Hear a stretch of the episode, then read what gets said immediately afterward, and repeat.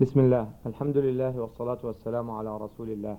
أما بعد فهذا الشريط الحادي عشر من كتاب زاد المعاد في هدي خير العباد لابن قيم الجوزية رحمه الله تعالى. تعليق سماحة شيخنا الجليل عبد العزيز بن عبد الله بن باز حفظه الله ورعاه. إعداد تلميذه محمد بن رفيق العجمي. قراءة تلميذه الشيخ عبد العزيز بن إبراهيم القاسم. حفظ الله الجميع ووفقهم لما يحبه ويرضاه. ويبدأ هذا الشريط بصفحة 13 ومئتين. وأما قوله صلى الله عليه وسلم أيكم أما الناس فليخفف. وكان الشريط العاشر قد انتهى في صفحة 14 ومئتين. نسأل الله عز وجل أن ينفع بهذا العمل وأن يجعله خالصا لوجهه وابتغاء مرضاته إنه ولي ذلك والقادر عليه. ونسأل إخواننا الذين يستمعون إلى هذه الدروس دعوة بظهر الغيب عسى الله أن يستجيب. وأما قوله صلى الله عليه وسلم؟ الأربع يعني. نعم. كان الصلاة بعد الصلوات الأربع نعم. نعم. مم. جزاك الله خير. يا شيخ لما طول خبر الرسول صلى الله عليه وسلم. السبب بذلك. الله أعلم. نعم. وأما قوله صلى الله عليه وسلم أيكم أما الناس فليخفف وقول أنس رضي الله عنه كان رسول الله صلى الله عليه وسلم أخف الناس صلاة في تمام فالتخفيف أمر نسبي. يرجع إلى ما يرجع إلى ما فعله النبي صلى الله عليه وسلم وواظب عليه. لا إلى شهوة المأمومين. فإنه صلى الله عليه وسلم لم يكن يأمرهم بأمر ثم يخالفه. يعني صلاته تكسر التخفيف صلى الله عليه وسلم. قل فليخفف. تخفيفا لا يجعل الصلاة منقورة متلاعبا بها.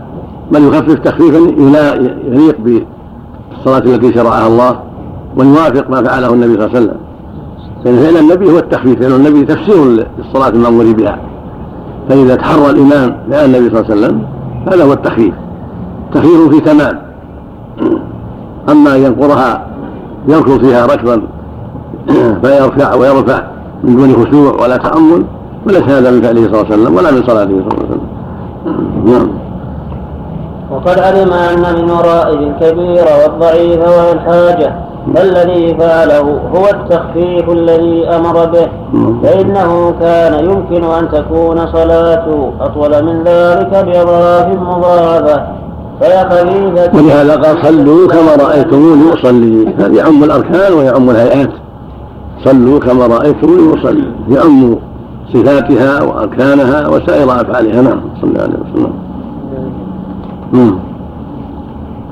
وهديه الذي كان واظب عليه هو الحاكم على كل ما تنازع فيه المتنازعون. ويدل عليه ما رواه النسائي وغيره عن ابن عمر رضي الله عنهما. قال كان رسول الله صلى الله عليه وسلم يأمرنا بالتخفيف ويؤمنا بالصافات. القراءة بالصافات من التخفيف الذي كان يأمر به والله أعلم. عليك هنا. مم. رواه النسائي في الصلاة. باب الرخصة للإمام في التطويل وإسناده صحيح. نعم هذا فصل. أصل إيش؟ وكان صلى الله عليه وسلم لا يعين سورة في الصلاة بعينها صح كم؟ صح كم؟ مم. 214 نعم الحمد لله رب العالمين والصلاة والسلام على أشرف الأنبياء والمرسلين نبينا محمد وعلى آله وأصحابه أجمعين اللهم صل على اللهم قال الإمام ابن القيم رحمه الله تعالى فصل وكان صلى الله عليه وسلم مؤثرة بالصلاة بعينها لا يقرأ إلا بها إلا في الجمعة والعيدين وكان وكان وكان صلى الله عليه وسلم لا يعين سورة في الصلاة بعينها لا يقرأ إلا بها. لا يقرأ إلا- لا يقرأ. نعم. لا يقرأ إلا بها نعم. إلا في الجمعة وعيدين وأما في سائر الصلوات فقد ذكر أبو داود من حديث عن شعيب نبينا من جده أنه قال ما من المفصل سورة صغيرة ولا كبيرة إلا وقد سمعت رسول الله صلى الله عليه وسلم يوم في الصلاة المكتوبة. من ومن؟ أبو داود. وقد ذكر أبو داود من حديث عبد بن شعيب عن أبي عبد أنه قال ما من المفصل سورة صغيرة ولا كبيرة إلا قد سمعت رسول الله صلى الله عليه وسلم يدعو الناس بها الصلاة المكتوبة. نعم الشاهد. رواه داود باب ما فيها حسن. بس نعم. وكان يأتي قراءة السورة كاملة وربما قرأها بقطعتين وربما قوله الجمعة والعيدين لأنه كان يقرأ فيهما قراءة معلومة كان يقرأ في الجمعة سبع وغاشية وربما قرأ بالجمعة والمنافقين. وربما قرأ بالجمعة وهل أتى وهل أتاك هذه الغاشية في صلاة الجمعة العيدين كان ربما يقرأ بقاف واقتربت وترك يقرأ بسبح وغاشي في العيد أيضا. ويقرأ في الجمعة في ألف لام من سيد السيدة وهذا على الإنسان أيضا كما ثبت ذلك. في الصحيحين. وكان يقرأ في بقية الصلوات ما تيسر. وتقدم أنه كان في الظهر والعصر والعشاء غالبا في أوساط المفصل. أو الفجر بطوال مفصل وربما قرأ بالستين المئة. ستين الآية إلى مئة الآية والمغرب تارة وتارة. تارة بقصر مفصل تارة بأوساطه تارة بطواله بفوق ما هو أطول من ذلك. كسورة الأعراف نعم. اللهم صل على وسلم وكان النبي قراءة السورة كاملة ربما قرأ مرتين ربما قرأ أول السورة وأما قراءة أواخر السور وأوساطها فلم يحفظ وأما قراءة السورتين في ركعة ولو أما قراءة آخر السورة. نعم. وأما قراءة أواخر السور وأوساطها فلم يحفظ عنه. هذا يرد عليه. ما ثبت في الصحيح أنه قرأ في سنة الفجر. بقوله تعالى قولوا آمنا بالله وما من وسط البقرة. وفي الثاني يقول يا أهل الكتاب تعالوا إلى كلمة سواء من وسط آل عمران. ولعل المؤلف أراد في الفريضة أو نسخ هذه هذه الآيتين. ثم أيضا ليس من ليس من شرط ذلك أن ينقل. المهم أن يقرأ ويتحرى مقدار ما قرأ به النبي صلى الله عليه وسلم وما يقاربه. ولو من أوساط السور ولو من أوائلها ولو من أواخرها. بعلم قوله جل وعلا فاقرأوا ما تيسر منه. ولقوله صلى الله عليه وسلم في حديثه. المسيء ثم اقرأ بما تيسر معك من القرآن وما جاء في هذا المعنى من الأحاديث. فالإمام منفرد يخيران يقرأ ما تيسر من القراءة وإذا تحرى ما قرأ به النبي صلى الله عليه وسلم في بعض الصلوات التي قرأ فيها النبي صلى الله عليه وسلم حرى ذلك وتحرى الآيات التي تقارب ذلك هذا هو السنة. نعم. وأما قراءة السورتين في ركعة فكان ما علق عليه الخشي نعم نعم نعم. وأما قراءة السورتين في ركعة فكان يفعله بالنازلة وأما في الفرض فلم يحفظ عنه اللهم وأما حديث ابن مسعود لكنه أقر اللي صلى بأصحابه كان يقرأ ويزيد في ذلك قل هو الله أحد فيجمع من السورتين حديث مسعود كان يقرأ القرائن التي يقرأ بها وسلم كل سورة في ركعة ليس فيه التصريح بأنه في النافلة هو محتمل. نعم. والأمر في هذا واسع. نعم. وأما حديث ابن مسعود رضي الله عنه إني لا أجد النظائر التي كان رسول الله صلى الله عليه وسلم يقرن بينهم بينهن السورتين الركعة الرحمن والنجم في ركعة واقتربت الحاقة في ركعة والنور التاليات في ركعة فإذا وقعت والنور في ركعة الحديث فهذا حكاية فعل لم يعين محله وكان بالفرض أو بالنفل وهو محتمل. نعم. وأما قراءة سورة واحدة في ركعتين معا فقلما كان يفعل. وذكر أبو داود رجل من جهينة أنه سمع رسول الله صلى الله عليه وسلم يقرأ في الصبح إذا نزلت الركعتين كلتيهما نعم. قال فلا أدري أنسي رسول الله صلى الله عليه وسلم أم قرأ ذلك عمدا. والأصل أنه قرأ عمدا ليعلم الناس ليفقهوا ويفهموا ولا بأس بإسلامه ودل ذلك على جواز أن يقرأ سورة في الركعتين. مثل إذا زلزلت في القارعة في القيم سبح قاس إلى غير ذلك. نعم خشي عليه. أخرجه أبو داود في الصلاة باب مرات التخفيف فيها وسنده قوي. نعم.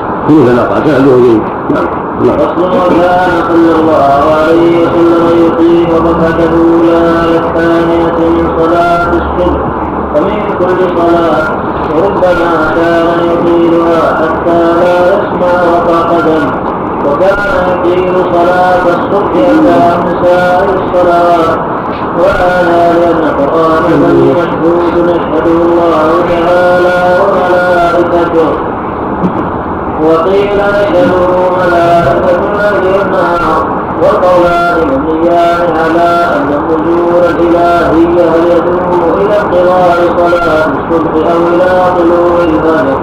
وقد ورد فيه هذا وهذا يعني يتكلم عليه لك على شيء؟ نعم المعروف الروايات وفي الأحاديث شهود الملائكه ملائكة الليل وملائكة النهار. تجتمعان في صلاه الفجر وصلاة العصر. ثم يعرض الباقي فينا بعد صلاة الفجر. وفي العصر يجتمعان ثم يعرض الذين بقوا في النهار بعد العصر. إلى ربهم عز وجل. وأما التنزل الالهي فالمعروف في الاحاديث الصحيحة إلى طلوع الفجر حتى ينفجر الفجر. نعم.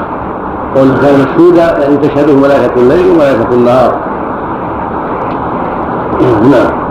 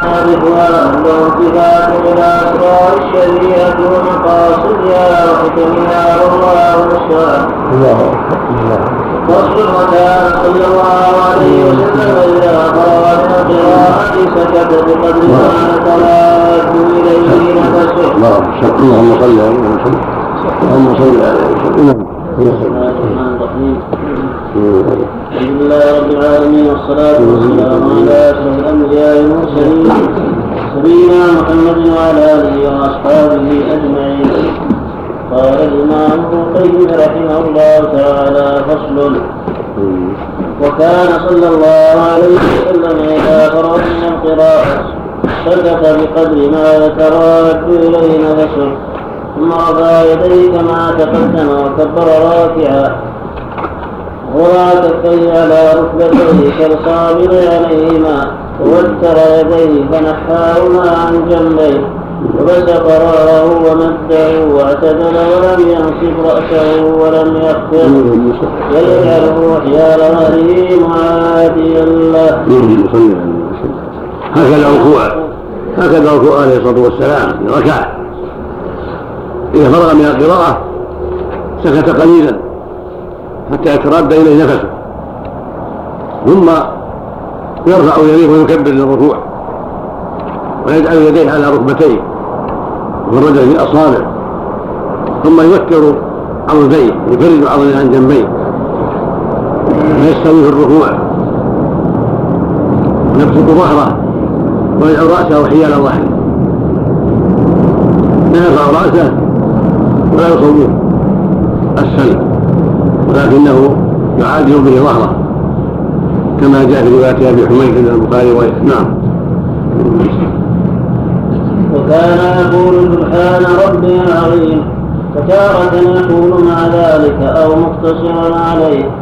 سبحانك اللهم ربنا وبحمدك اللهم اغفر لي. نعم. وتارة يقول مع ذلك أو مقتصرا عليه. الأقرب منه مع ذلك لأنه كان يكثر في الركوع سبحان ربي العظيم سبحان ربي العظيم كما قال حذيفة وغيره. وكان يزيد مع هذا ما في حديث عائشة. كان يكثر أن يقول في ركوعه وسجوده سبحانك اللهم ربنا وبحمدك. اللهم اغفر لي. والمؤلف تردد في هذا. نعم. لكن لو اقتصر عليه عند الجمهور يكفي لأن الجمهور لا يرون التسبيح واجبا وهو سنة. مع الأقوال من قال بوجوب سبحان ربي العظيم. لا يكفي. لابد يأتي سبحان ربي العظيم. نعم. أحمد رحمه الله وكان ركوعه المعتاد مقدار عشر مقدار عشر تسبيحات وسجوده كذلك. وأما حديث براء بن عازب رضي الله عنه ومقت الصلاة خلف النبي صلى الله عليه وسلم فكان قيامه فركوعه فاعتداله فسجدته فجلسته ما بين السجدتين قريبا فهذا قد فهم منه بعضهم أنه كان يركع بقدر قيامه ويسجد بقدره ويعتدل كذلك.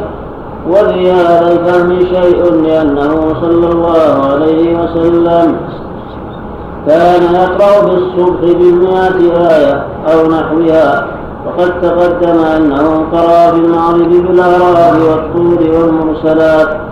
ومعلوم أن ركوعه وسجوده لم يكن قدر هذه القراءة. ويدل عليه حديث أنس الذي رواه أهل السنن أنه قال ما صليت وراء أحد ما صليت وراء أحد بعد رسول الله صلى الله عليه وسلم. أشبه صلاة برسول الله صلى الله عليه وسلم. إلا هذا الفتى يعني عمر بن يعني عمر بن عبد العزيز. قال فحذرنا في ركوعه عشر تسبيحات وفي سجوده عشر تسبيحات. هذا مع قول أنس أنه كان يوم بالصافات كمراد البراء والله عليه أن صلاته صلى الله عليه وسلم كانت معتدلة. فكان إذا طال القيام أطال الركوع والسجود وإذا خفف القيام خفف الركوع والسجود وتارة يجعل الركوع والسجود بقدر القيام. ولكن كان يفعل ذلك أحيانا في صلاة الليل وحدها وفعله أيضا قريبا من ذلك في صلاة الكسوف وهدي الغالب صلى الله عليه وسلم تعجيل الصلاة وتناسبها. مثل ما قال مثل ما قال البراء ما يزيد الإشكال الذي ذكره المؤلف في زيادة عن البراء الصحيح بزيادة ما خلا القيام والقعود فليس قريب من السواء بل القيام أطول. زيادة ما خلا القيام والقعود تبين ما أشار له المؤلف. كأنه لم يستحضرها وقت الكتابة.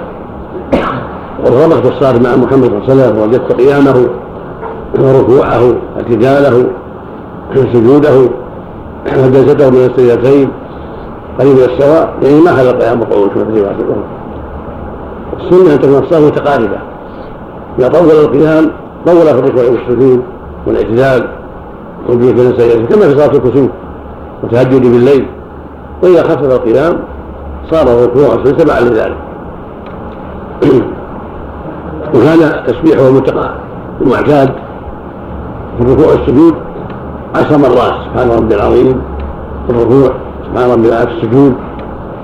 وكان يقول مع ذلك سبحانك اللهم ربنا وبحمدك اللهم اغفر لي.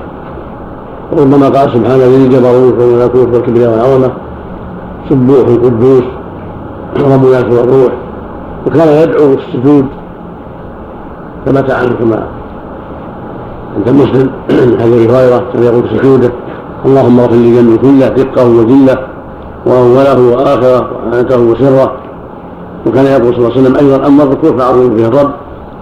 وأما السجود فاجتهدوا في الدعاء ان يستجاب لكم. اي حري ان يستجاب لكم وقال أيضا عليه الصلاة والسلام اقرب ما يكون العبد ربي وهو ساجد فاشهر الدعاء. فيدل على أن الصلاة فيها تفكر وبعض الطول لأنها نعمة عظيمة. يقف فيها العبد بين يدي ربه يخضع فيها بين يدي ربه فلا يليق به أن يعجل. في هذا المقام العظيم وهو بين يدي الله سبحانه وتعالى. قد وقف بين يديه دخل عليه يناجيه. فجد به أن لا يعجل. فلا تكون خفيفة منقورة ولا تكون طويلة تشق على الناس ولكن بين ذلك. أما إذا كان يصلي وحده كالتهجد بالليل وصلاة الضحى ونحو ذلك فالأمر في هذا واسع لأنه لا يتبعه أحد. نعم. زيادة ما القيام أو فيهما جميعا نعم. الله إليكم. زيادته بحمده ثابتة سبحانك اللهم ربنا وبحمدك هذا في الصحيحين. أما سبحان العظيم وبحمدك فيها ضعف. سبحان ربي العظيم وبحمده سبحان فيها ضعف هذه فيها ضعف. الأفضل سبحان ربي العظيم سبحان ربي الأعلى بس. نعم. ولو أتى بها ما يضبط لأن معناها صحيح كما في الروايات الأخرى. نعم. من الآية قم الليل إلا قليلا. وقول عليه الصلاة والسلام قال في الشقاء القراءة السجود اختلف العلماء في هذا منهم فضل قراءة القيام منهم فضل كثرة الركعات. القول متقارب. القول متقارب. يعني يعني كثرة السجود يقتضي كثرة الركعات. والحديث الآخر ما يرسل الله عبد من سيدة رفع الله بها درجة وحط عنه بها خطيئة. هذا قد يعطي فضل كثرة السجود وكثرة الركعات. وفعل صلى الله عليه وسلم طول القيام يقتضي أن القيام إذا طال طول أفضل من حديث حذيفة لما طول صلاته في التهجد الليل والأقرب والله أعلم تكون صلاته وسطا كما هو المعتاد متقاربة. نعم. ولهذا صار يتبع 11 ركعة في الغالب. وربما أوتر 13 فدل على أن ما كان يطول الذي ذكره حذيفة في الأغلب. نعم. بعض العلماء في قوله تعالى انه وقانت اناء الليل ساجدا وقام من كل لا يلزم من هذا قد يقال يعني لاجل السجود أشد في الخضوع ولا يلزم عليه الطول حال السجود أشد في الخضوع الذل والاستكانة. نعم. أحسن الله إليك يا شيخ قول انقطع من أدنى الكمال في التسبيح ثلاث تسبيحات مر عن مسعود. والواجب مرة واحدة. نعم. نعم. نعم. ما فيها شيء. أو ما فيها شيئا نعم. وكان يقول أيضا في ركوعه سبوح القدوس رب الملائكة والروح. وتارة يقول اللهم لك ركعت ولك آمنت ولك أسلمت. خشى لك سمعي وبصري ومخي وعظمي وعصبي. وهذا إنما حفظ عنه في قيام الليل هذا جاء في حديث عن قيام الليل جاء في حديث عن رحمه الله. وجاء مطلقا صلاته صلى الله عليه وسلم. نعم. نعم. ثم كان يرفع راسه بعد والقاعدة القاعدة ما ثبت في أي صلاة ثبت في الأخرى. صلوا كما رأيتم يصلي. إذا بدليل يخص شيئا. كما كما في الليل أو في النهار أو في النفل أو في الفرض. شرع في الجميع. إلا ما خصه الدليل نعم. ثم كان يرفع بعد ذلك قائلا سمع الله لمن حمده ويرفع يديه كما تقدم وروى رفع اليدين عنه في هذه المواطن الثلاثة لحظ من ثلاثين نفسا واتفق على روايتها العشرة. يعني مثلهم بالجنة رضي الله عنهم نعم. رواية ثلاثة مواقف عند الإحرام عند الركوع عند الرحيم جاء في حديث عمر عند البخاري موضع الرابع عند القيام من الشهر الأول. سنية الرقصة نعم. تثبت سنية الرقصة ما في الشيء عند القيام الشهر الأول سنة نعم. ثابتة. حديث ابن عمر من حديث علي. وغيرهما نعم اتفقوا على رواية الرفع عند تكبيرة الإحرام فقط. العلماء يعني لا العشرة. ما في قصد الساعة كلها قصد في ثلاث مواضع نعم ولم يثبت عنه خلاف ذلك البتة بل كان ذلك هديه دائما إلى أن فارق الدنيا ولم يصح عنه حديث البراء ثم لا يعود بل هي من زيادة يزيد بن زياد.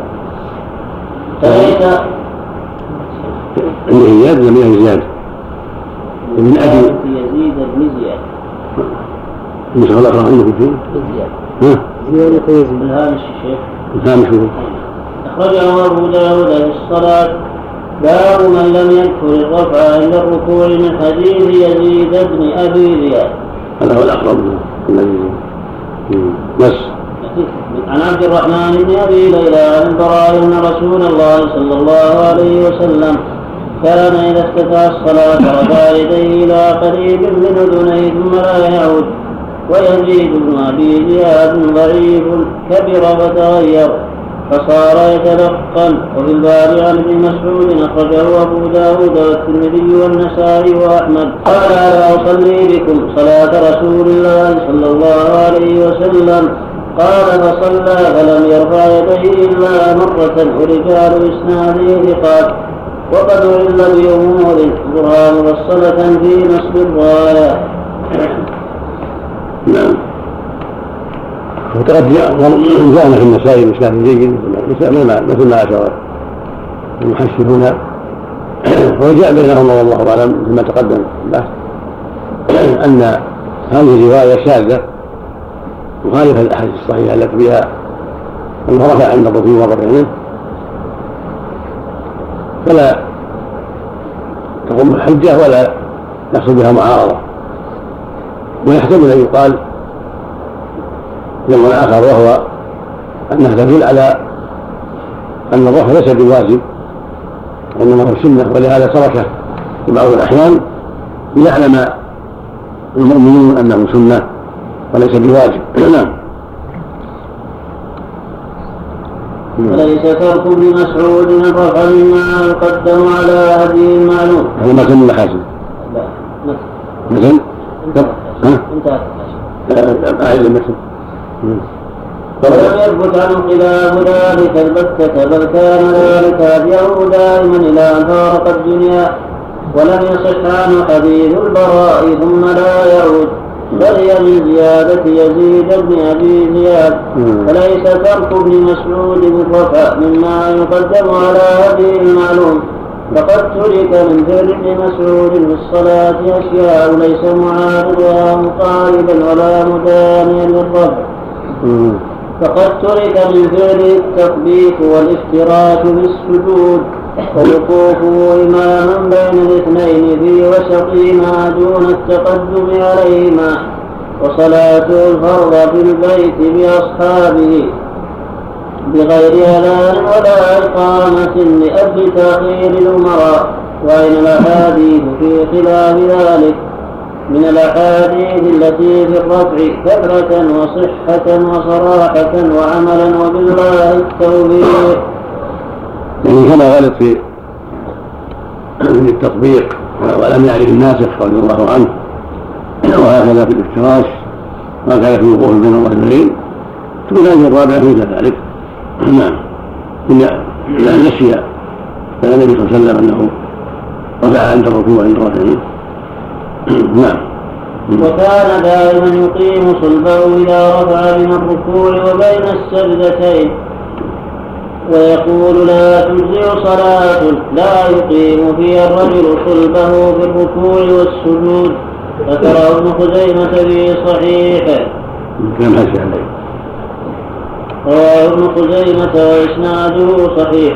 رواه الترمذي وأبو داود والنسائي في الافتتاح. باب إقامة الصلب في الركوع. وابن ماجه وأحمد. نعم. كلهم من حديث أبي مسعود. وصححه ابن حبان وقال الترمذي حديث حسن صحيح.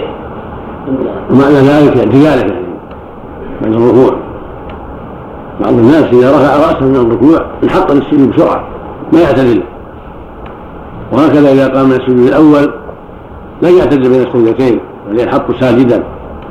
وهذا يقع عليه كثيرا من المنتسبين للمذهب الحنفي لأن عندهم هذا ليس بركن فيبالغون في اختصاره وعليهم الطمأنينة وهذا غلط منهم. لأن القائد بأنه ليس بركن لا يقول ان الأفضل تركه. بل يقول الافضل وجوده واستعماله والاعتزال لكن عنده ليس بفرض ولكن لجهل هؤلاء التابعين والمقلدين يرون أن المبالغة في تقليله واختصاره الصق بالمذهب واوضح في المذهب يكون قد حققوا المذهب تحقيقا زائدا. ولا من الأغلاط القبيحه نعم. فلا يليق من ينتسب للمذهب الحنفي أو غيره أن يتساهل في هذا بل يعد مخالفا لمذهب الإمام. الحقيقة. ثم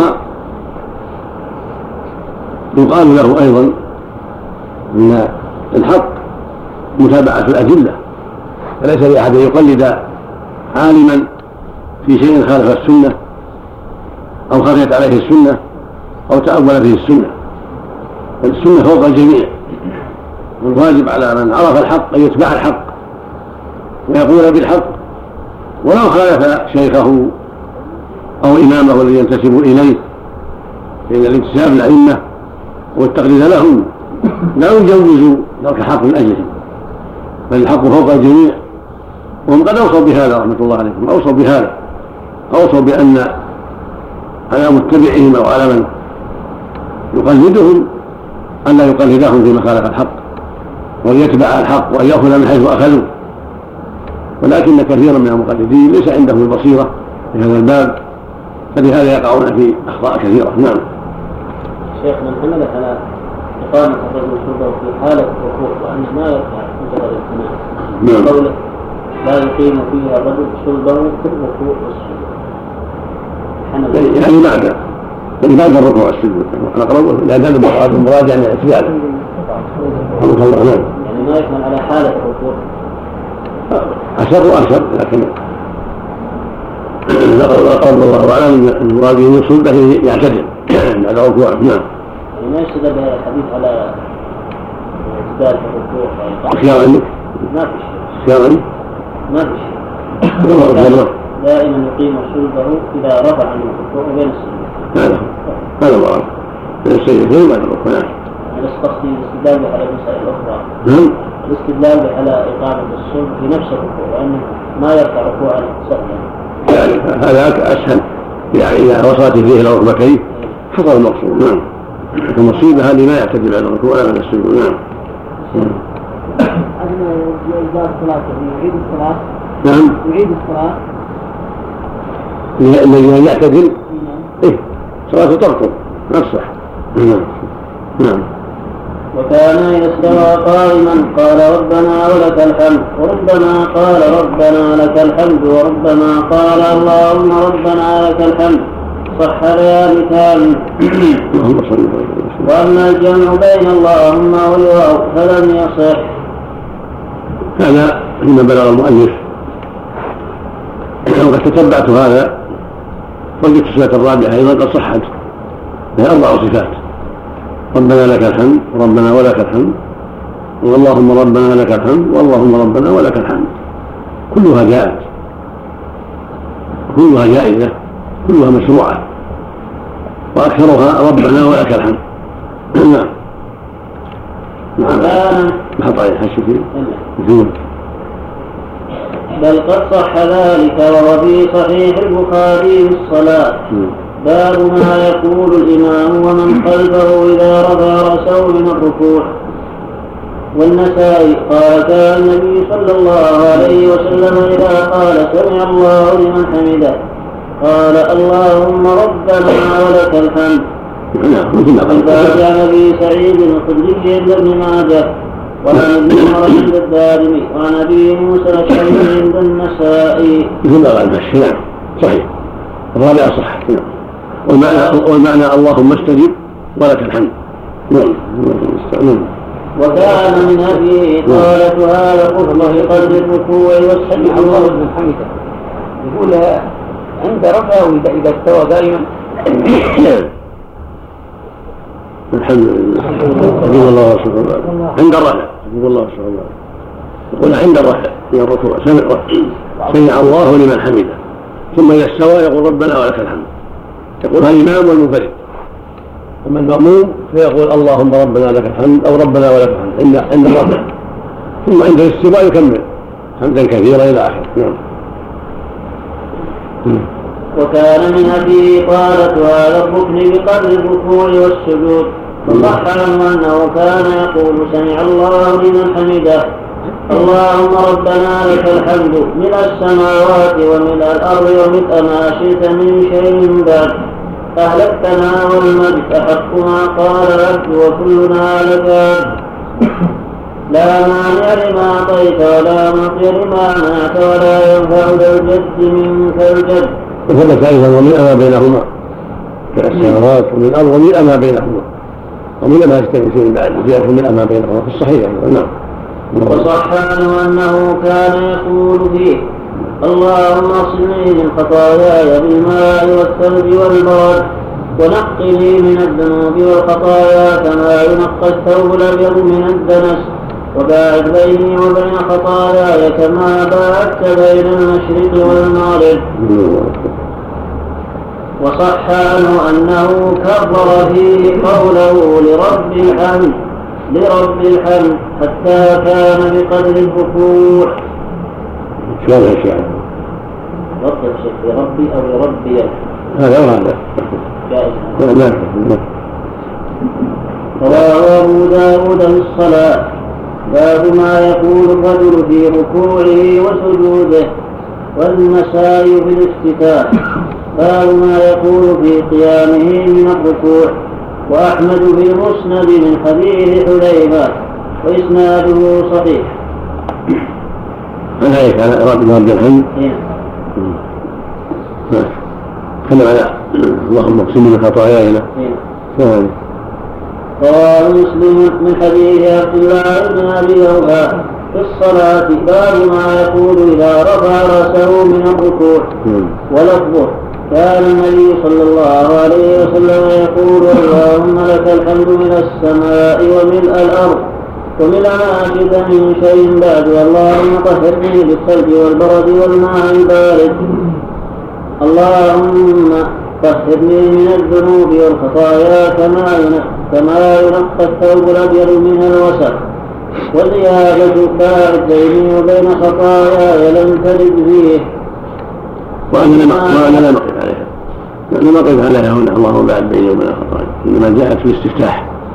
من هنا في اعتداله بعد الركوع أذكر من إلا على الأخير اللهم نقني من خطاياك ومن نقى الثوب اللهم اغفر من خطاياي بالثلج والماء والبرد. نعم. وزيادة بعد بيني وبين خطاياي لم ترد فيه وإنما جاءت في دعاء الاستفتاح كما تقدم. وفي الدعوات المطلقة. هذا اللي هذا اللي وقفنا عليه. نعم. فلعل ابن القيم رحمه الله. أملاها من حفظه وظن أن الوالد مثل ما جاء في الاستفتاح. سوا سوا. رحمه الله. نعم. ولرب الحمد صحيح.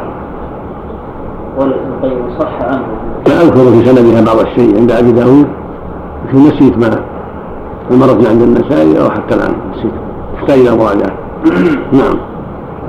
وصح عنه أنه كان إذا رفع رأسه من الركوع يمكث حتى يقول القائل قد نسي من إطالته الركن وذكر مسلم عن أنس رضي الله عنه كان رسول الله صلى الله عليه وسلم إذا قال سمع الله لمن حمده قال حتى نقول قد أوهم. ثم يسجد ثم يقعد بين السجدتين حتى نقول قد أوهم نعم. أوهم بالله وقع النسي نعم. إذا قد حصل له وهم نسيان يعني. نعم. حصل له أوهم أو أوهم لكن نسمعها ونقرأها أوهم هكذا سمعنا قراءتنا على المشايخ أوهم نعم. ولا عندي لا ضبط لكن هكذا سمعت. وقت سماعي على المشايخ وقراءة نعم الله. عليك زياد آه، آه، سند النسائي في ربي الحمد موجود نعم. النسائي. ما عندهم في النهاية؟ يحفظها أحد منكم أحسن. النهاية كانت مكسرة. أحسن ما في الحديث بل من الحديث. لا تيسر إذا تيسر. أو من مع البحار. نعم. نعم. السند في النسائي نعم. وش الفرق يا العيد بعدها بعده نعم نعم. وصح عنه في صلاة الكسوف أنه أطال هذا الركن بعد الركوع حتى حتى كان قريبا من ركوعه وكان ركوعه قريبا من قيامه فهذا هدي المعلوم الذي لا معارض له بوجه. اللهم صل عليه وسلم نعم. فيه وأما حديث البراء.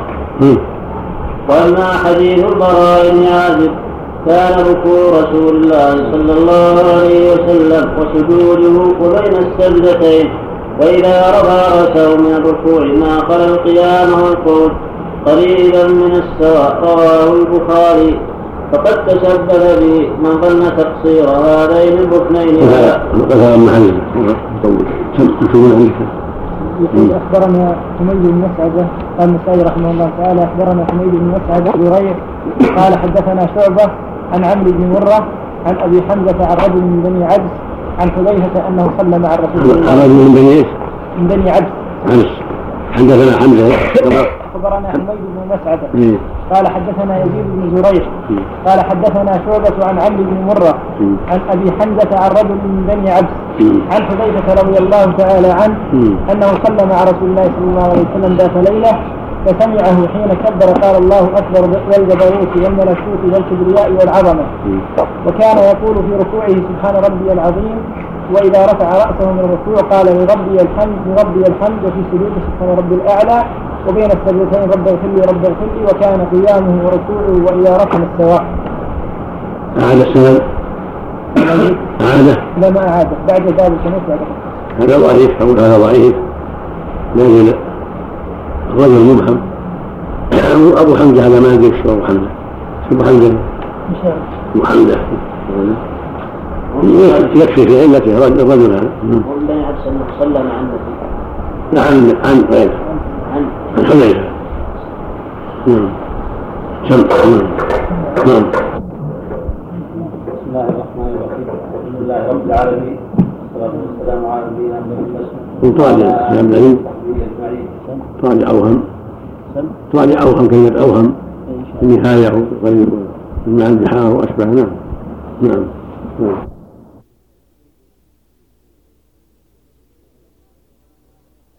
والصلاة والسلام على أشرف الأنبياء والمرسلين نبينا محمد. وعلى آله وأصحابه أجمعين. قال الإمام ابن القيم رحمه الله تعالى وأما حديث براء بن عازب كان ركوع رسول الله صلى الله عليه وسلم وسجوده وبين السجدتين وإذا رفع رأسه من الركوع ما خلا القيام والقعود قريبا من السواء رواه البخاري. فقد تشبث به من ظن تقصير هذين الركنين ولا متعلق له.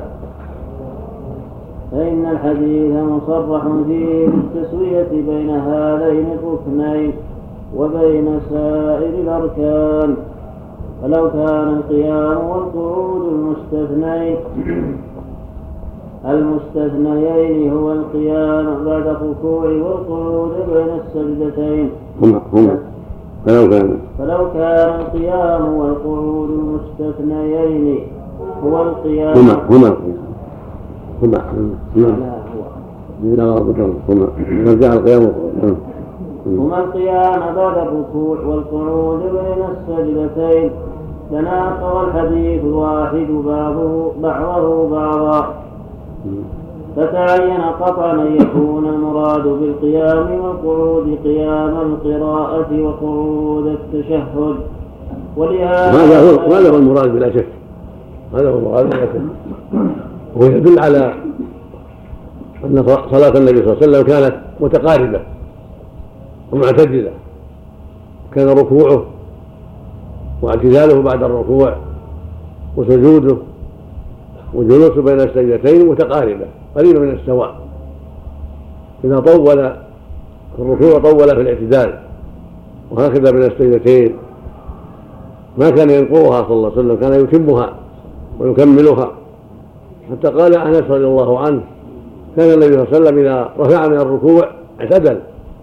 واستوى حتى يقول الطائر قد نسي.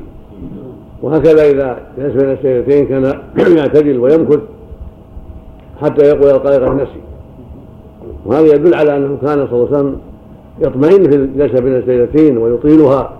وهكذا بعد الركوع إذا اعتدل. قريبا من ركوعه وسجوده.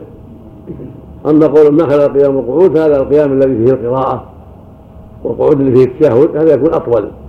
أطول من الركوع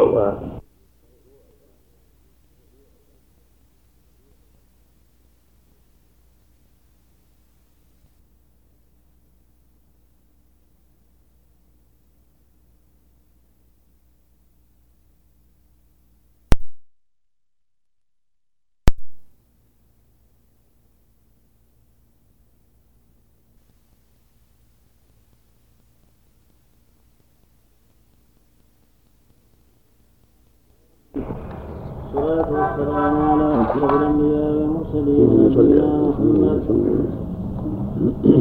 وعلى آله وأصحابه أجمعين. قال الإمام ابن القيم رحمه الله تعالى وأما حديث البراء بن عازب كان ركوع رسول الله صلى الله عليه وسلم وسجوده وبين السجدتين. وإذا رفع رأسه من الركوع ما خلا القيام والقعود قريبا من السواء رواه البخاري. فقد تشبث به من ظن تقصير هذين الركنين ولا متعلق له. فإن الحديث مصرح فيه بالتسوية بين هذين الركنين وبين سائر الأركان. فلو كان القيام والقعود المستثنين المستثنيين هو القيام بعد الركوع والقعود بين السجدتين. هما هما فلو كان. فلو كان القيام والقعود المستثنيين هو القيام. هما هما هما هو. لا غلط هما نرجع القيام والقعود هما القيام بعد الركوع والقعود بين السجدتين. تناقض الحديث الواحد بعضه بعضه بعضا. فتعين قطعا أن يكون المراد بالقيام والقعود قيام القراءة وقعود التشهد. ولهذا هذا هو هذا هو المراد بلا شك؟ هذا هو المراد بلا شك؟ وهو يدل على أن صلاة النبي صلى الله عليه وسلم كانت متقاربة. ومعتدلة كان ركوعه واعتداله بعد الركوع وسجوده وجلوسه بين السجدتين متقاربة قريبة من السواء. إذا طول في الركوع طول في الاعتدال وهكذا بين السجدتين. ما كان ينقضها صلى الله عليه وسلم كان يتمها ويكملها. حتى قال أنس رضي الله عنه كان النبي صلى الله عليه وسلم إذا رفع من الركوع اعتدل. واستوى حتى يقول الطائر قد نسي. وهكذا إذا جلس بين السيدتين كان يعتدل ويمكث حتى يقول القائل قد نسي. وهذا يدل على أنه كان صلى الله عليه وسلم يطمئن في الجلسة بين السيدتين ويطيلها. وهكذا بعد الركوع إذا اعتدل. قريبا من ركوعه وسجوده. أما قول ما هذا القيام والقعود فهذا القيام الذي فيه القراءة والقعود اللي فيه التشهد هذا يكون أطول. أطول من الركوع والاعتدال وأطول من السجدة والجلسة بينهم بين السجدتين. نعم.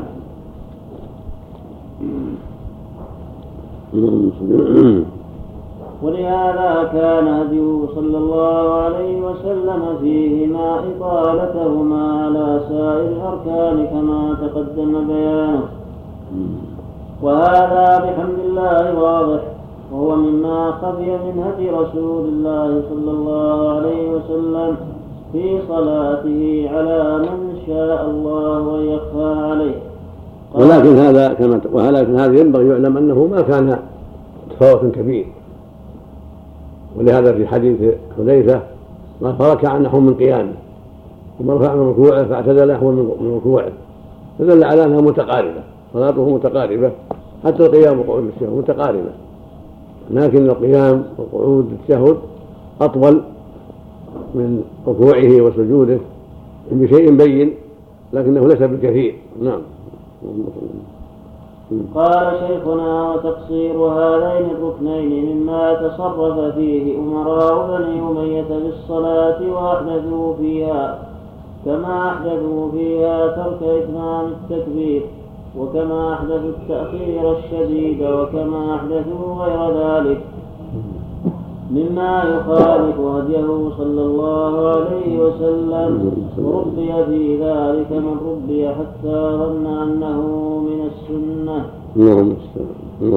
فصل ثم كان يكبر ويخر ساجدا ولا يرفع يديه. وقد روي عنه أنه كان يرفعهما أيضا وقد خفي هذا على بعض علماء الكوفة؟ حتى صار بعض أتباع أبي حنيفة يقصد يقصر هذا هذين الركين بعد الركوع وبعد بين السجدتين. وهذا غلط منهم. وأسبابه أنهم لم يفهموا ما ورد كما ينبغي ولم يفهموا قول الإمام أبي حنيفة كما ينبغي وإلا فالسنة حاكمة على الجميع. حاكمه على بني أمية وعلى غيرهم. السنة هي واجبه الاتباع. سنة النبي صلى الله عليه وسلم وما كان يفعله. هو القدوة عليه الصلاة والسلام. لقد كان لكم في رسول الله أسوة حسنة. وهو القائل صلى الله عليه وسلم صلوا كما رأيتم يصلي. فلا يجوز أبدا أن أن تنقر الصلاة نقرا بحيث يسرع في ركوعها وسجودها واعتدال بعد الركوع أو الاعتدال بين السير كل هذا يفرط فيه بعض الناس ويقلل وينقر وهذا غلط كبير. وإذا كان هذا النقر يبطل الصلاة فينبغي الحذر. ولا شك أنه يبطلها فإن الرسول صلى الله عليه وسلم أمر المصلي بأن يطمئن في جميع صلاته وقال له ثم ارفع يعني بعد الركوع حتى تعتدل قائما. وفي السجود ثم اسجد حتى أطمئن ساجدا ثم ارفع حتى أطمئن جالسا ثم اسجد حتى أطمئن ساجدا. فأمر بالطمأنينة في الركوع والاعتدال والسجود وبين السجدتين إذا لم يطمئن وعجل بطل الصلاة. فرضا أو نفلا نعم. نعم. فصل ثم كان يكبر ويخر ساجدا ولا يرفع نعم. يديه. مع تعالى بن أمية. بن أمية. ترك إتمام التكبير. ترك التكبير من مرة أو ترك إتمامه؟ ترك إتمامه. قد يعني يسقط بعض التكبيرات. أو يخفونها كثيرا فيظن سقوطها. وكان النبي صلى الله عليه وسلم يكبر في كل خفض ورفع ربما تركوا بعض التكبيرات عند الخفض والرفع اكتفاء برؤية الناس لهم أو لأخبار غلطوا فيها وهي غير ثابتة. نعم. بعض التكبيرات ما قلت. نعم. يعني يتركون بعض التكبيرات. نعم. أو يخفونها حتى روي عنهم أنهم تركوا. نعم. كان هذا عبد الله انتشر بعض الناس انكر التكبير على أبي هريرة وكذا. هذا كله أسباب خفاء الأمر هذا. ونقل من صار عنده في الشام في غير الشام نقلوا تنقلوا هذا الشيء. حتى خفي على بعض الناس.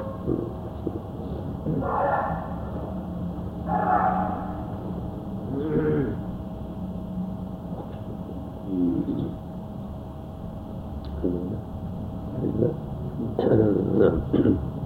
نعم. فصل ثم كان يكبر ويقر ساجدا ولا يرفع يديه. وقد روي عنه أنه أنه كان يرفعهما أيضا.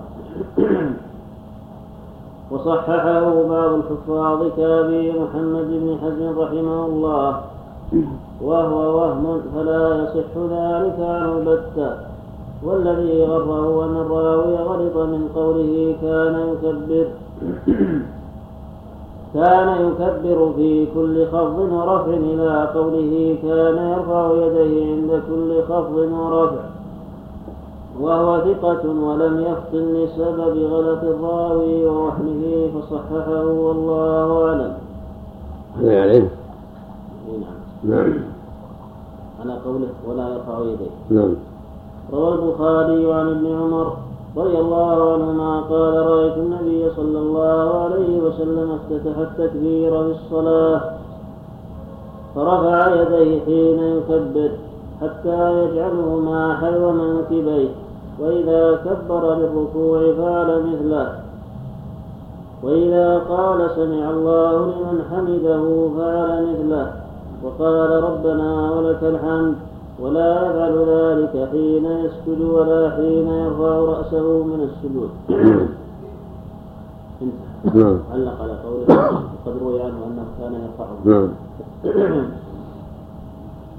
أخرجه أبو داود وأحمد وفيه ثم سجد ووضع وجهه بين كفيه وإذا رفع رأسه من السجود أيضا رفع يديه وسنده صحيح. وجاء في بدائع الفوائد للمؤلف رحمه الله ونقل عنه أي عن الإمام ونقل عنه أي عن الإمام أحمد الأثرم وقد سئل عن رفع اليدين فقال في كل خفض ورفع قال الأثرم رأيت أبا عبد الله يرفع يديه بالصلاة في كل خفض ورفع. بناء على هذه الرواية التي جاءت من طريق وائل ولكن رواية ابن عمر وهي أصح تدل على أنه شاهد النبي لا يرفع بالسجود لا عند السجود ولا عند الرجل. فتعارض ما رواه ابن عمر وما رواه وائل فإما أن يقال رواية ابن عمر أصح ورواية وائل شاذة. وإما أن يقال إن وائل حفظ ما لم يحفظ ابن عمر وهذا بعيد. كم كلامه؟ نعم.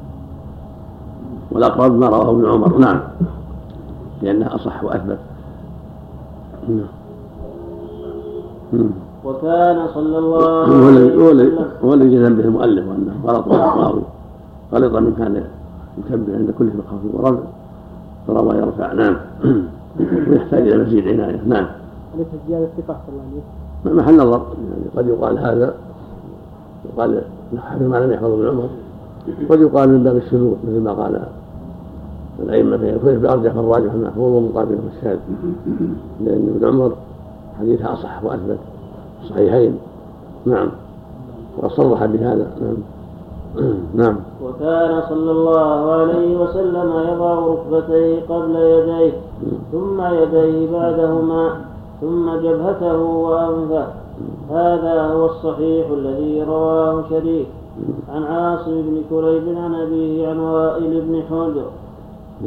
رأيت رسول الله صلى الله عليه وسلم إذا سجد وضع ركبتيه قبل يديه. وإذا نهض رفع يديه قبل ركبتيه. ولم يروى في فعله ما يخالف ذلك. وأما حديث أبي هريرة يرفعه إذا سجد أحدكم فلا يبرك كما يبرك البعير. وليضع يديه قبل ركبتيه. فالحديث والله أعلم. قد وهم قد وقع فيه وهم من بعض الرواة فإن أوله يخالف آخره. فإنه إذا وضع يديه قبل ركبتيه فقد برك كما يبرك البعير. فإن البعير إنما يضع يديه أولا ولما علم أصحاب هذا القول ذلك. قالوا ركبتا البعير في يديه لا في رجليه فهو إذا برك وضع ركبتيه أولا فهذا هو المنهي عنه وهو فاسد لوجوه. أحدها أن البعير إذا برك فإنه يضع يديه أولا وتبقى رجلاه قائمتين. فإذا نهض فإنه ينهض برجليه أولا وتبقى يداه على الأرض. وهذا هو الذي نهى عنه صلى الله عليه وسلم وفعل خلافه. وكان أول ما يقع منه على الأرض الأقرب من الأقرب من هذا الأقرب. وأول ما يرتفع عن الأرض منها الأعلى فالأعلى. وكان يضع ركبتيه أولا ثم يديه ثم جبهته. وإذا رفع رفع رأسه أولا ثم يديه ثم ركبتيه وهذا عكس فعل البعير. وهو صلى الله عليه وسلم نهى في الصلاة عن التشبه بالحيوانات فنهى عن بروك كبروك البعير والتفات كالتفات الثعلب وافتراش كافتراش السبع. وإقعاء كإقعاء الكلب ونقر كنقر الغراب. ورفع الأيدي وقت السلام كأذناب الخيل الشمس. فهدي المصلي مخالف. فهدي المصلي مخالف لهدي الحيوانات الثاني أن قولهم ركبتا البعير في يديه كلام لا يعقل. ولا يعرفه أهل اللغة وإنما الركبة في الرجلين وإن أطلق على اللتين في يديه اسم الركبة فعلى سبيل التغليب. علق على قوله هذا معروف. نعم. ولا يعرفه اللغة. هذا محل نظر هذا محل نظر رحمه الله. نعم. لأنه سمى ركبة. في ذي البعيد سمى ركبة لكن لا يلزم من ذلك أن تقدم اليدان. نعم. في الحسن بل عرفه غير واحد ففي لسان العرب مادة ركب وركبة البعير في يده وكل ذي أربع ركبتاه في يديه. وجاء في شرح معاني الآثار للطحاوي في معرفة تثبيت الحديث وتصحيحه ونفي الحالة منه أن البعير ركبتاه في يديه. وكذلك في سائر البهائم وبنو آدم ليسوا كذلك. فقال لا يبرك على ركبتيه اللتين في رجليه كما يبرك البعير على ركبتيه اللتين في يديه. ولكن يبدأ فيضع أولا يديه اللتين ليس فيهما ركبتان. ثم يضع ركبتيه فيكون ما يفعل في ذلك بخلاف ما يفعل البعير. وروى الإمام قاسم بن ثابت السرق السرقسطي السرقسطي في غريب الحديث.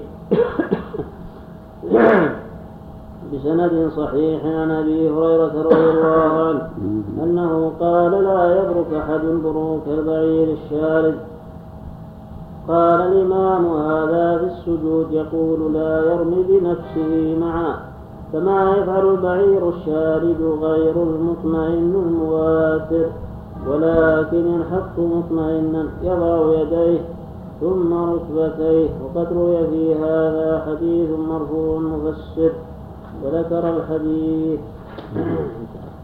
نعم. والأظهر هو مثل ما قال المؤلف لأن البعير يبرك على مقدمة فلا ينبغي المؤمن أن يتشبه بالبعير في بروكه على مقدمة وإنما يبرك على ركبتيه ثم يديه ثم جبهته وأنفه. حتى لا يتناقض الحديثان. نعم. ولعله وقع وهم في قوله وليضع يديه على ركبتيه صوابه وليضع ركبتيه قبل يديه حتى لا يختلف في البعير. نعم. والأمر في هذا واسع الأمر في هذا واسع. نعم. على قوله ولم يروى في فعله ما يخالف ذلك نعم. بل ثبت ذلك فيما رواه الحاكم في مستدركه وغيره. عن ابن عمر رضي الله عنهما أنه كان يضع يديه قبل ركبتيه وقال كان النبي صلى الله عليه وسلم يفعل ذلك وقال هذا حديث صحيح على شرط مسلم ولم يخرجاه ووافقه الذهبي وقال الحاكم فأما القلب في هذا فإنه إلى حديث ابن عمر أميل بروايات في ذلك كثيرة عن الصحابة والتابعين. البيهقي رحمه الله تكلم عن هذا ذكر أنه وهم وإنما هو من فعل ابن عمر ليس من فعل النبي صلى الله عليه وسلم. إنما الرفع وهم. نعم. الله اللي يتكلم عنه. نعم البيهقي رحمه الله. نعم نعم. الله أدنى بالخيل الشمس. كيفيتها تحركها دائما كانها تحركها دائما قبل السلام أو بعد السلام. عند عند قبل عند السلام عندما كانوا يشرون بأيديهم عند السلام فنهاهم النبي قال اسكنوا في الصلاة. نعم. الثالث إنه لو كان كما قالوا لقال فليبرك كما يبرك البعير وإن أول ما يمس الأرض من البعير يداه. وسر المسألة أن من تأمل بروك البعير وعلم أن النبي صلى الله عليه وسلم نهى عن بروك كبروك البعير علم أن حديث وائل بن حجر هو الصواب والله أعلم. وكان يقع لي أن حديث أبي هريرة كما ذكرنا ممن قلب على بعض الرواة متنه وأصله ولعله وليضع ركبتيه قبل يديه.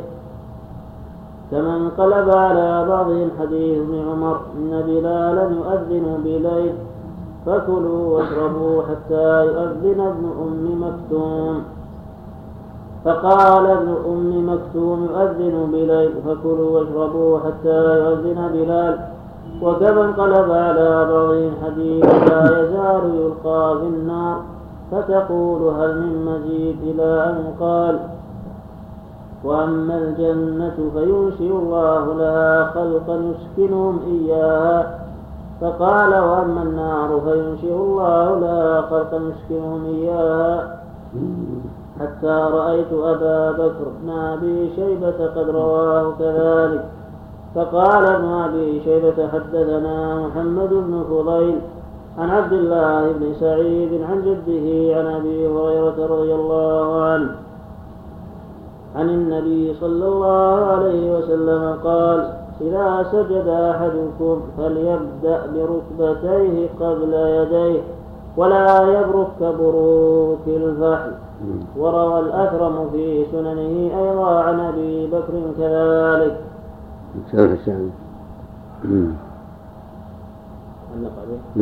عبد الله بن سعيد هو المقبري نعم. وهو متروك. نعم. وأخرج الرواية الثانية البيهقي في سننه. وفيها عبد الله بن سعيد أيضا فلا حجة فيهما لضعفهما. نعم. معروف عبد الله نعم. الله عليكم. كيف قولكم انقلب حديث بلال؟ كان يدعو ويقول انقلب على بعض الرواة ان بلال يؤذن بليل فقال إن ابن ام مكتوم يؤذن بليل. والصواب بلال يؤذن بليل. نعم. نعم. نعم. في هامش على إن بلال نعم. قال الحافظ في الفتح وادعى ابن عبد البر وجماعة من الأئمة بأن الحديث مقلوب وأن الصواب حديث الباب يريد حديث إن بلالا يؤذن بليل. وقد كنت أميل إلى ذلك إلى أن رأيت الحديث. إلى أن رأيت الحديث في صحيح ابن خزيمة من طريقين آخرين عن عائشة رضي الله عنها. وفي بعض ألفاظه ما يبعد وقوع الوهم فيه وهو قوله إذا أذن عمرو فإنه ضرير البصر فلا يغرنكم. وإذا أذن بلال فلا يطعمن أحد ومن تمام كلامه. مهما كان هو الصواب مع رواه الشيخان مهما كان كلام الحافظ هو وهم من الراوي نعم والصواب أنه بلال والذي يؤذن بالليل نعم ولا تشوش روايات شاذة. لا تشوش على الاحاديث الصحيحه نعم. وقد روي عن أبي في نفس في نفس الحديث فإذا لا يؤذن حتى يقال أصبحت أصبحت. ما يؤيد ما تقدم من أنه هو المتأخر. نعم. والمتقدم هو بلال نعم. وقد روي عن أبي هريرة رضي الله عنه عن النبي صلى الله عليه وسلم ما يصدق ذلك. ويوافق حديث وائل بن حجر. قال ابن أبي داود حدثنا يوسف بن عدي حدثنا ابن فضيل هو محمد عن عبد الله بن سعيد عن جده. عن أبي هريرة رضي الله عنه أن النبي صلى الله عليه وسلم كان إذا سجد بدا بركبتيه قبل يديه. وقد روى ابن خزيمة في صحيح. والعجم من المؤلف كيف في علي حال عبد الله؟ وحال عبد الله مشهورة؟ نعم. نعم. غفر الله له. نعم. هكذا وقع في جلالة كان في درس الصبح. احتج برواية عبد الله وضعيف لا يحتج. نعم. المقبري عبد الله بن سعيد نعم إذا أذن الفجر في رمضان مثلا الإنسان على أكله أو يشربه يكمل إلى أذنة؟ الأذان ينظر إن كان على الصبح يمتنع إن كان على ظن الصبح كالتقويم فلا بأس يأكل ما في يده أو يشرب ما في يده لأنه يؤذن على الظن ظن الصبح لا على الصبح حسب التقويم. عندنا الله جل وعلا قال حتى يتبين لكم الخيط الأبيض من الخيط الأسود من الخيط الشيء قليل اللي في يد الإنسان وهو يؤذن لا بأس به. إلا إذا كان يرى الصبح فيعتمد على الصبح ولا يعتمد على الأذان. حتى لو لو ما أذن إذا رأى الصبح كالناس اللي في الصحراء كالبادية إذا رأوا الصبح أمسكوا ولو ما بعد أذنوا. نعم. نعم. نعم. الضعف اللي في عبد الله بن سعيد يقول لك كان يتهم بكذب في التقريب. حاضر؟ كان هو متهم قال عليه عبد الله بن سعيد. نعم. قال ابن أبي داود نعم. حدثنا يوسف بن عدي حدثنا ابن فضيل هو محمد عن عبد الله بن سعيد عن جده عن أبي هريرة عن أبي هريرة رضي الله عنه أن النبي صلى الله عليه وسلم كان إذا سجد بدا بركبتيه قبل يديه. وقد روى ابن خزيمة في صحيحه من حديث مصعب بن سعد عن أبيه قال كنا نضع اليدين قبل الركبتين فأمرنا بالركبتين قبل اليدين. نعم. نعم. هو في صحيح ابن خزيمة.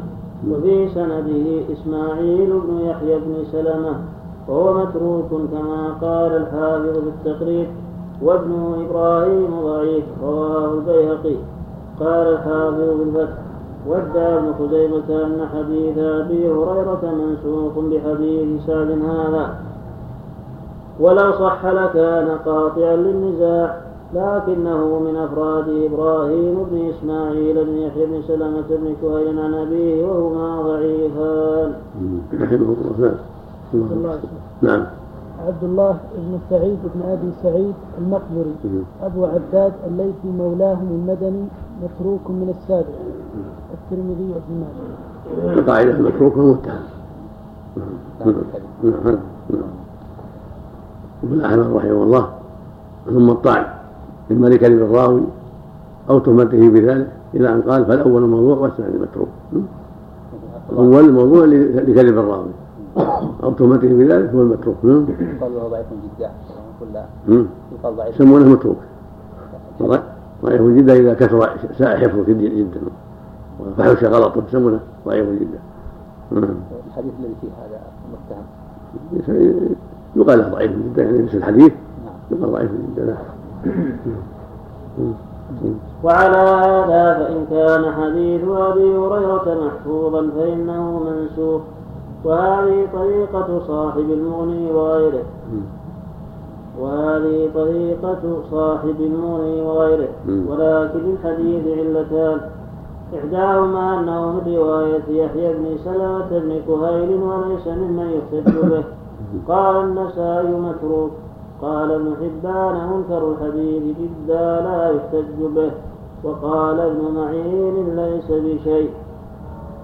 الثانية أن المحفوظ من رواية مصعب بن سعد عن أبيه هذا إنما هو قصة التطبيق. وقول سعد كنا نصنع هذا فأمرنا أن نضع أيدينا على الركب.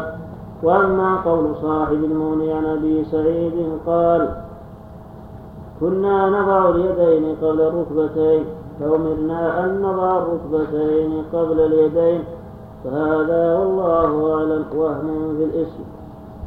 وإنما هو عن سعد وهو أيضا وهم في المتن كما تقدم. وإنما هو في قصة التطبيق والله أعلم. وأما حديث أبي هريرة المتقدم فقد علله البخاري والترمذي والدار قطني. قال البخاري محمد بن عبد الله بن حسن لا يتابع عليه. وقال لا أدري أسمع من أبي الزناد أم لا. وقال الترمذي غريب لا نعرفه من حديث أبي الزناد إلا من هذا الوجه. وقال الدار قطني تفرد به عبد العزيز الدراوردي عن محمد بن عبد الله بن حسن العلوي عن أبي الزناد. وقد ذكر النسائي عن قتيبة حدثنا عبد الله بن نافع عن محمد بن عبد الله بن حسن العلوي عن أبي الزناد عن العرج عن أبي هريرة رضي الله عنه أن النبي صلى الله عليه وسلم قال يعمد أحدكم في صلاته. فيبرك كما يبرك الجمل ولم يزد. قال أبو بكر بن أبي داود وهذه سنة تفرد بها أهل المدينة.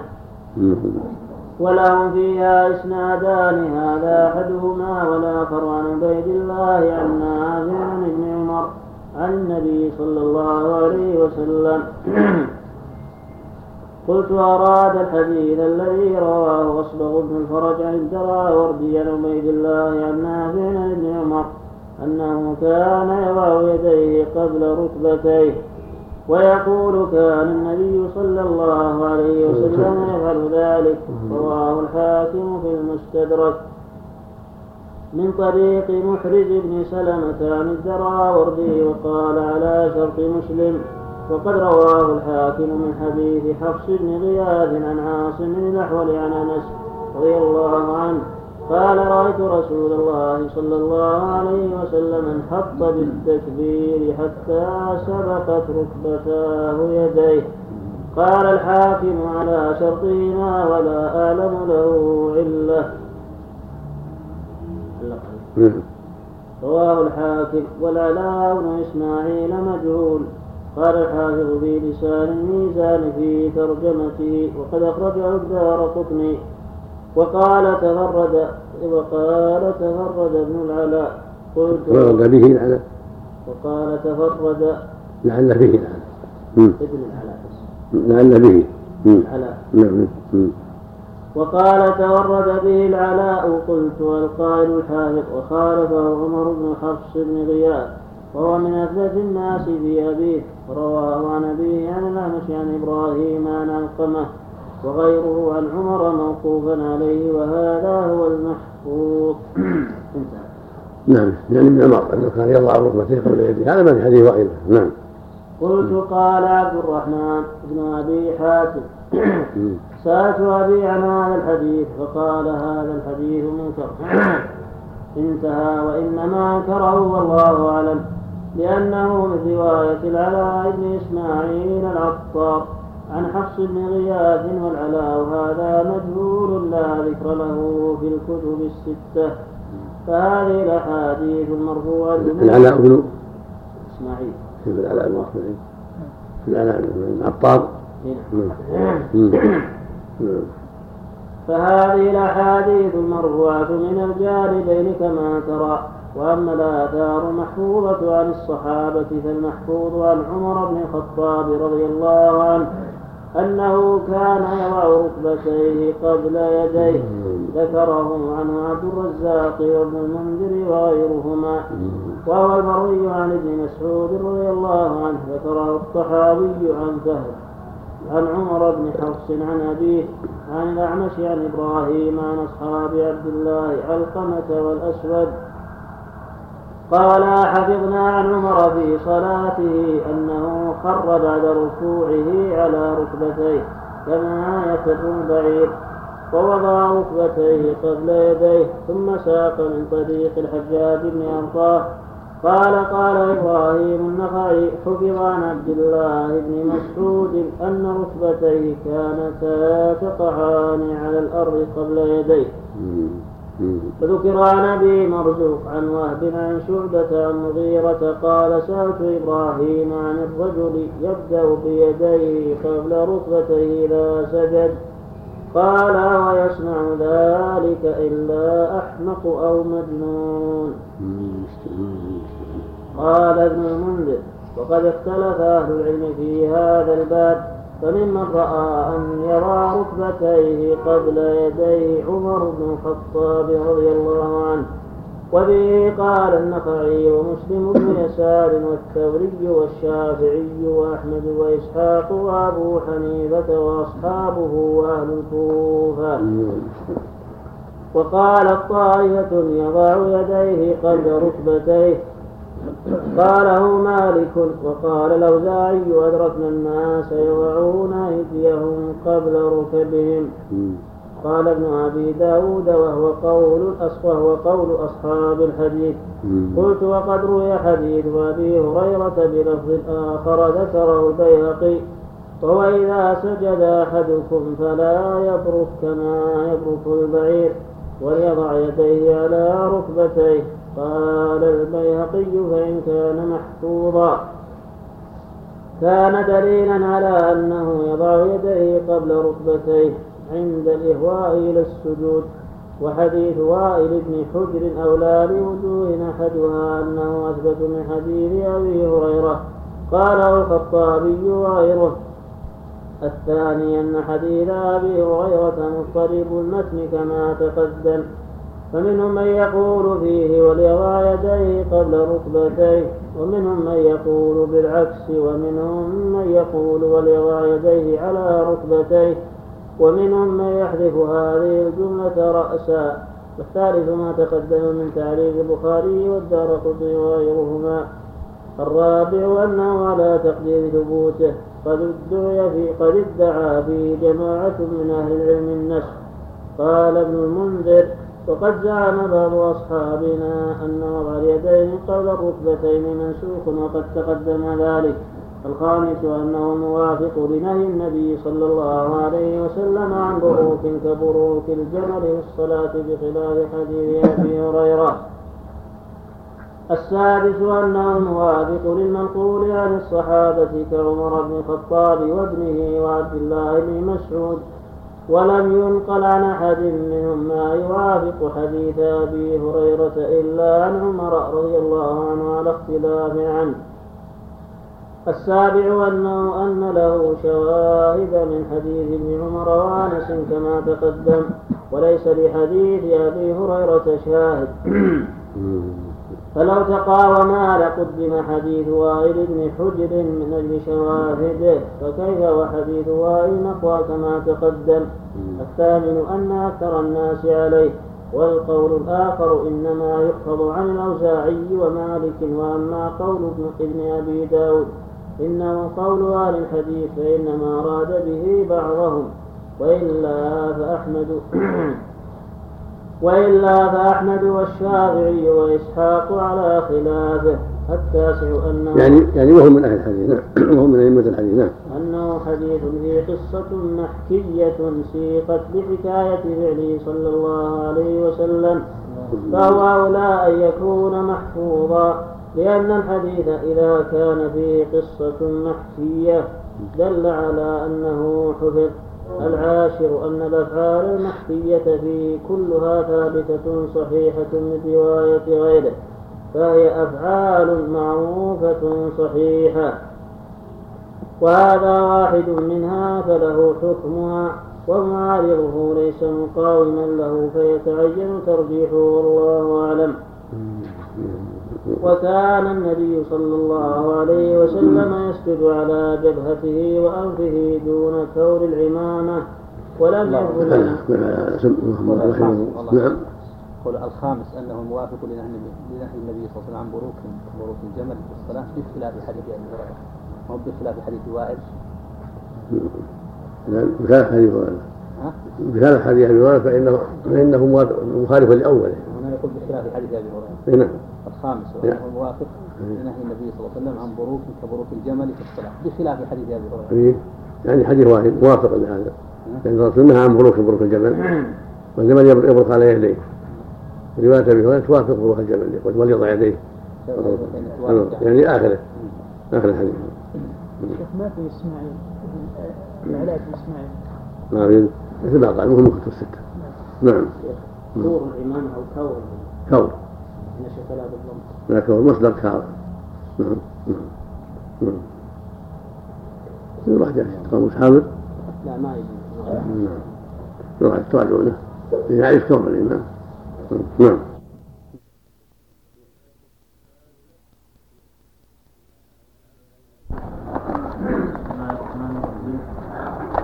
الحمد لله رب العالمين. والصلاة والسلام على أشرف الأنبياء والمرسلين. نبينا محمد وعلى آله وأصحابه أجمعين. قال الإمام ابن القيم رحمه الله تعالى وكان النبي صلى الله عليه وسلم يسجد على جبهته وأنفه. بعد نعم. يسجد على جبهته وأنفه دون كور العمامة. ولم يثبت عنه السجود على كور العمامة من حديث صحيح ولا حسن. ولكن روى عبد الرزاق في المصنف من حديث أبي هريرة رضي الله عنه. قال كان النبي صلى الله عليه وسلم يسجد على كور عمامته. وهو من رواية عبد الله بن محرر. وهو متروك وذكره أبو أحمد الزبيري من حديث جابر. ولكنه من رواية عمرو بن ابن ولكنه من رواية عمرو بن شم عن جابر الجعفي متروك عن متروك. وقد ذكر أبو داود في المراسيل أن رسول الله صلى الله عليه وسلم رأى رجلا يصلي في المسجد فسجد بجبينيه. فسجد بجبينه وقد اعتم على جبهته. فحسر رسول الله صلى الله عليه وسلم عن جبهته. وكان رسول الله صلى الله عليه وسلم وقد روى من ثاني قد روى الأخير وقد ذكر أبو داود في المراسيل أن رسول الله صلى الله عليه وسلم رأى رجلا يصلي في المسجد نعم. فسجد بجبينه وقد اعتم على جبهته. فحسر رسول الله صلى الله عليه وسلم عن جبهته. وكان رسول الله صلى الله عليه وسلم تكلم. المقصود أن السنة أنه يباشر المصلي يباشر في جبهته وأنفه الأرض أو المصلى اللي يصلي عليه. ولا يأتي على كور العمامه ولا غيرها إلا إذا حاجة إذا كان هناك حاجة. ولا فالأفضل كونه يباشر المصلى بجبهته وانفه فان كان هناك حاجة من الحر أو برد أو شوك لا بأس يضع ثوبه أو عمامته أو بشته أو غير ذلك تحته حتى يقيه شدة الحر أو البرد أو الشوك أو نحو ذلك. نعم. وكان رسول الله صلى الله عليه وسلم يسجد على الأرض كثيرا وعلى الماء والطين وعلى الخمرة المتخ... وعلى الخمرة وعلى الخمرة المتخذة من خوص النخل وعلى الحصير المتخذ منه وعلى الفروة المجبوة وكان إذا سجد والخمرة قطعة حصير تضع تحت جبهته وأنفه وربما اتسعت من يديه. وربما كانت كبيرة صلي عليها. ويقال لها الحصير والمصلى من الحصر يعني من سعف النحل. وكان هذا مستعملا من الناس من قديم. ثم تغيرت الأحوال عند بعض الناس بالسجادة السجادة من القطن. المقصود يجوز أن يصلي على فراش من قطن أو من صوف أو من سعف النخل أو من غير ذلك. نعم. وكان إذا سجد مكن جبهته وأنفه من الأرض ونحى يديه عن جنبيه. وجافى بهما حتى يرى بياض إبطيه ولو شاءت بهمة وهي الشاة الصغيرة. أن تمر تحتهما لمرت. وكان يضع يديه حذو منكبيه وأذنيه. وفي صحيح مسلم عن البراء رضي الله عنه. أنه صلى الله عليه وسلم قال إذا سجدت فضع كفيك وارفع مرفقيك وهذه السنة. إذا سجد يضع يديه هكذا ويرفع ذراعيه عن الأرض. وتكون الكفان حذاء المنكبين في السجود أو حذاء الأذنين. كلاهما صح عن النبي صلى الله عليه وسلم. صح أنه جعلهما حذاء أذنيه كما في حديث وائل وصح أنه جعلهما حذاء منكبيه كما في حديث ابن عمر حين السجود. وكان يمكن جبهته وأنفه من الأرض عليه الصلاة والسلام ويرفع ذراعيه وينهى عن بسطهما كانبساط الكلب. بل يضع كفيه ويرفع الذراعين عن الأرض. ويجافي عضديه عن جنبيه. ولا يلصقهما في جنبيه بل يجافي هذا السجود. مجافاة لا تؤذي من حوله إن كان مأموما. نعم. وكان يعتدل في سجوده ويستقبل بأطراف أصابع رجليه القبلة. ويقول صلى الله عليه وسلم اعتدلوا في السجود. ولا يبسط أحدكم ذراعيه بساط الكلب. يعني يعتدل يقيم. بطنه عن فخذيه فخذيه عن ساقيه ويجافي عضديه عن جنبيه ويعتدل في السجود. ولا يجمع نفسه جمعا أو يبسط ذراعيه. لا نعم. وكان يبسط كفيه وأصابعه ولا يفرج بينها ولا يقبضها يجعل اطرافها إلى القبلة هكذا. اطرافها إلى القبلة منظوما بعضها إلى بعض ممدودة إلى جهة القبلة. نعم. نعم. وكان يعتدل في سجوده ويستقبل بأطراف أصابع رجليه القبلة. نعم. وكان يبسط كفيه وأصابعه ولا يفرج بينها ولا يقبضها وفي صحيح ابن حبان كان إذا ركع فرج أصابعه. فإذا سجد ضم أصابعه. الركوع يفرجها على ركبتيه. السجود يضمها ويجعلها حذاء منكبيه أو حذاء اذنيه نعم. وكان يقول سبحان ربي الأعلى وأمر به. وكان يقول سبحانك اللهم ربنا وبحمدك اللهم اغفر لي.